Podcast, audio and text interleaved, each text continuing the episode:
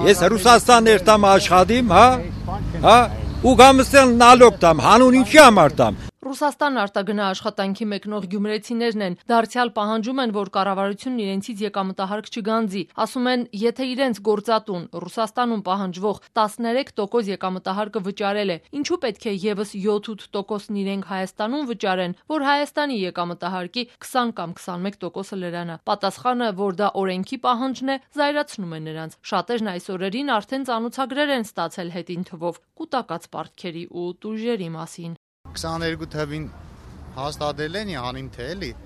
24 թվի հունվարի նոր հիշեղ եկել են Պետեկամուտների կոմիտեի նախագահը դեռ նախորդ շաբաթ հայտարարեց, որ ընթառաջում են արտագնա աշխատանքի մեկնողներին ու հարկային օրենսգրքում փոփոխություններ կանեն։ Այսօր աշխատանքային օրվա ավարտին իդրաֆտ իրավական ակտերի հարթակում կոմիտեն մի նախագիծ հրապարակեց, որով առաջարկում է արտերկրում աշխատող ՀՀ ռեզիդենտին չհարկել, եթե նրա տարեկան եկամուտը չի գերազանցում 12 միլիոն դրամը կարող ենք որոշակի օրենսդրական փոփոխություններով հիմա մեղմել վերացնել այս ազդեցությունները եւ գնանք փուլային տարբերակով հայտարարագրման համակարգի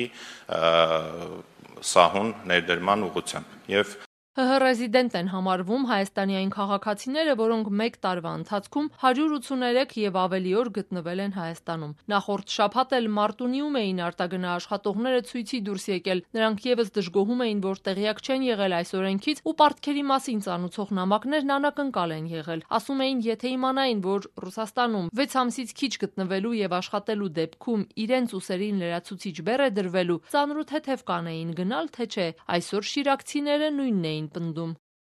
Ող հենց է մեր ժողովրդին, համեկին 300 հազարի, 200 հազարի աշխատատեղ տա,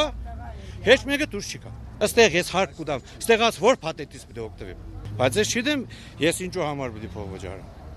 Ես վճարող եմ, դա ով չի, ով փող չի տա։ Ես իմ բանակից համար էլ փող կուտամ տվել եմ, միշտ էլ կուտամ։ Ինչու համար չենք տվել փող։ Դա ժողովրդին հարցեր, որը փող չի տվել միշտ էլ տվել ենք, միշտ էլ բարդաճանաչ մեր քաղաքին,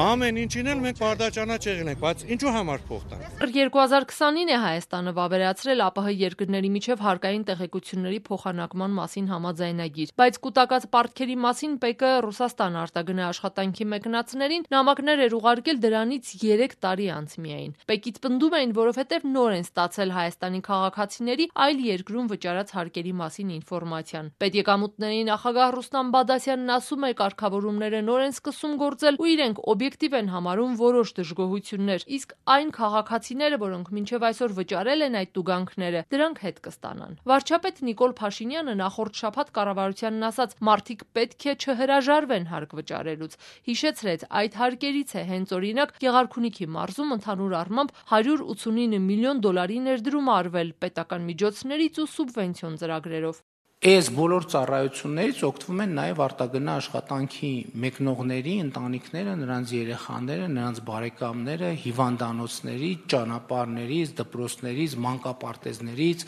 լուսավորությունից եւ կներեք ոչ մի տրամաբանություն չկա, որ մեկը ասում է ես չեմ ուզում հարկ վճարեմ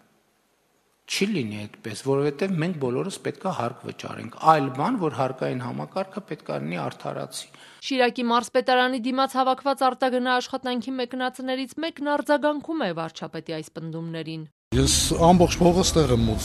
բերում ծախսում, չէ՞։ Այդ ասֆալտ կսե մի գնացեք, այդ ասֆալտի փողը ես կուտամ ավտոկշեմ գույքահար կմուծեմ, տեղասմոթր կմուծեմ եւ այլ եւ այլ հիվանդանոցից սկսեմ մի օգտվեք հիվանդանոցը մենք ծրի չենք օգտվի։ Պեկի հրապարակած այս նախագիծը դեռ պետք է քննարկվի ու հաստատվի խորհրդարանում։ Դրանից հետո նոր ուժի մեջ կմտնի։ Նարինե Ղալեչյան, Սաթենիկ Կաղզվանցյան, Ազատություն ռադիոկայան, Գյումրի, Երևան։